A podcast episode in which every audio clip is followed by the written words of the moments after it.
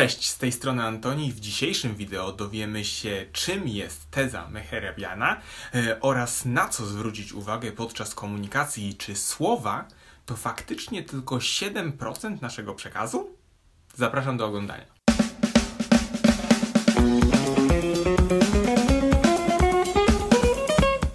Większość z nas na studiach, czy na jakiejś prelekcji, czy na jakimś warsztacie spotkała się z następującą teorią. 7% Twojego przekazu to słowa. 38% Twojego przekazu to Twój ton głosu, tak jak ten głos się z Ciebie wydobywa, oraz 55% głosu to Twoja mowa ciała, mimika, gestykulacja, wszystko co związane z fizycznością. I pamiętam, jak na jednym wykładzie jednej z osób, która jest dla mnie ogromnym autorytetem, jeżeli chodzi o wystąpienia publiczne, chodzi tu o Piotra Budzkiego, Piotr przytoczył taką ciekawą historię. Powiedział właśnie, przytaczając te teorię o tych 7, 38 50%, żebyśmy podeszli do policjanta, który wlepia nam na przykład mandat, czule go przytulili i najsłodszym głosem, jaki tylko potrafimy z siebie wydobyć, powiedzieli mu.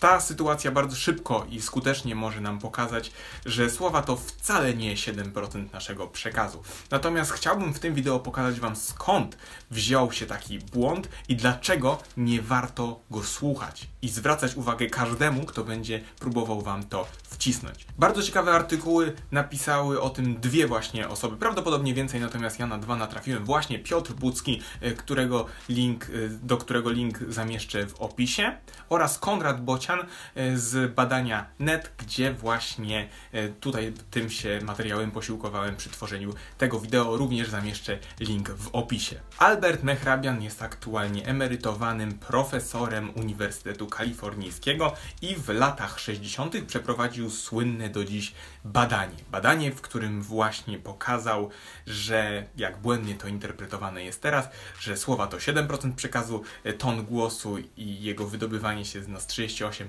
i mowa ciała 55. I dlaczego my to tak interpretujemy, dlaczego jest to powtarzane błędnie i jak to naprawdę wyglądało? Prawdopodobnie jest to zrobione w taki sposób, dlatego że ktoś kiedyś błędnie zinterpretował e, jeden tekst napisany przez e, pana Mehrabiana.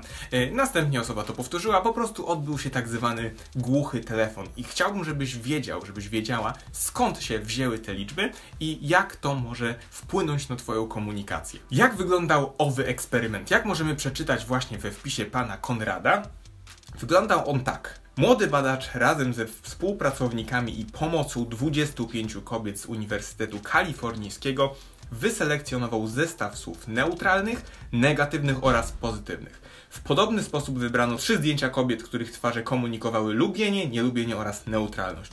Na tej samej zasadzie określono trzy rodzaje kobiecego głosu, tonu głosu: pozytywny, neutralny oraz negatywny tak przygotowane materiały łączono ze sobą i te kobiety oceniały, na ile zwracają na co uwagę w danym komunikacie, który jest przedstawiany. Natomiast to, co mówi nam to badanie tak naprawdę, to to, jakie emocje czytamy w jakim stopniu z drugiego człowieka.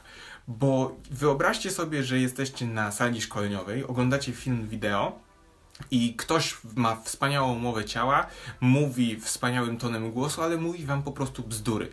To badanie nie zostało przeprowadzone w kontekście mówienia na przykład o faktach, o tym, co jest dla nas e, istotne, na przykład przekazywaniu informacji czy tłumaczeniu jakichś zagadnień. Ono zostało jedynie, natomiast nic w samym badaniu nie wskazywało na to, że właśnie 7% naszego przekazu e, to słowa i pozostałe procenty również się zgadzają. W oryginalnym artykule, tak jak możemy przeczytać w wpisie pana Konrada Bociana, przedstawione to było w następujący sposób. Sugeruje to, że połączony efekt jednoczesnej komunikacji werbalnej, wokalnej oraz ekspresji twarzy jest sumą ważoną ich niezależnych efektów. I prawdopodobnie właśnie tłumaczenie tego jednego zdania sprawiło, że dziś słyszymy ten mit, że tak naprawdę nieważne co będziemy mówić, ważne tylko, żebyśmy przy tym się uśmiechali, mieli świetną mowę ciała oraz genialną emisję naszego głosu, co jest zupełną nieprawdą. Niemniej jednak nie chciałbym, żebyście teraz e, rozumieli to jako krucjatę przeciwko temu, że mowa ciała nie jest istotna. Oczywiście ma ona bardzo duży wpływ na to, jak się komunikujemy, bo chociażby to, że stoję teraz do Was frontalnie i widzicie mnie przodem, już zmienia trochę komunikat, niż jeżeli stałbym tyłem, mówił w tą stronę i czasem się odwrócił do Was i chciał coś powiedzieć, prawda? Tutaj w kwestii y, relacji ja i kamera, kiedy jesteście po drugiej stronie monitora, nie jest to tak mocno y, zauważalne, ale kiedy z kimś byście rozmawiali i on tylko odwracałby się chwilowo, żeby do Was coś powiedzieć, nie mielibyście za bardzo poczucia, że jesteście zaopiekowani jego uwagą. Tak samo, jeżeli ktoś patrzy cały czas na telefon i zerka na Was tylko y, co chwilkę, to też pokazuje, może pokazywać, że nie jest za bardzo zaangażowany w rozmowę. Także te rzeczy są istotne, ale nie wpadajcie w pułapkę taką, żeby wierzyć w to, że słowa to jedynie 7% naszego przekazu. Warto dbać, podchodzić holistycznie do komunikacji i dbać o wszystkie te aspekty. Czyli po prostu uśmiechać się podczas y, komunikowania danych kwestii. Tutaj uwaga, żeby się nie uśmiechać cały czas, bo kiedy cały czas się uśmiechamy, mówimy przez nos i nie brzmi to tak poważnie.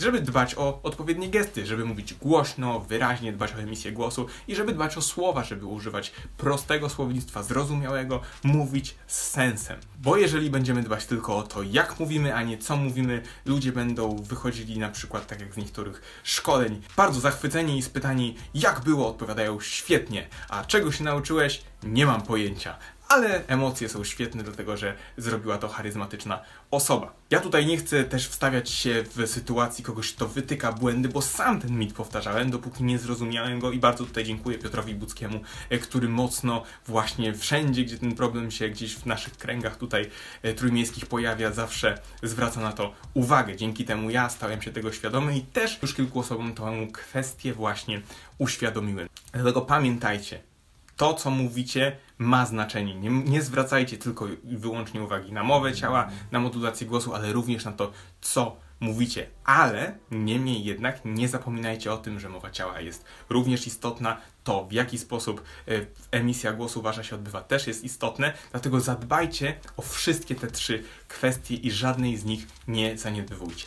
Dajcie znać w komentarzu, czy w ogóle słyszeliście o teorii Mehrabiana. Ja przez okres swojego życia chyba z 5 razy, 6 razy słyszałem e, o tej teorii. Czasami w kontekście, gdzie osoby powątpiewały w nią, a niektóre były pewne po prostu, że, że jest ona prawdziwa, dlatego że nie miały tej świadomości, skąd to się w ogóle wzięło. Dlatego pamiętajcie, jakikolwiek materiał będziecie oglądać, czy jest to na moim kanale, czy jest to na kanale innym, nie wierzcie ślepo w to, co druga osoba wam mówi. Weryfikujcie to. W ten sposób wchodzicie na kolejny poziom nauczania, po, kolejny poziom wiedzy, nie w ślepą wiarę, ale zrozumienie logiczne czegoś i zrozumienie tego w taki sposób, że jesteście w stanie zrozumieć proces, który za tym stoi i jesteście trochę głębiej w tym temacie, aniżeli tylko usłyszeliście to od jakiejś mądrej, gadającej głowy, nieważne jak mądra by była, e, i po prostu na ślepo w to wierzycie. Zawsze miejcie w sobie taki zdrowy sceptycyzm, który zmusi Was, pociągnie Was do tego, żeby daną tezę sprawdzić. I jak zwykle, jeżeli to wideo było dla Ciebie pomocne, koniecznie daj mi kciuka do góry. Jeżeli jeszcze tego nie zrobiłeś, zapraszam Cię do subskrypcji mojego kanału.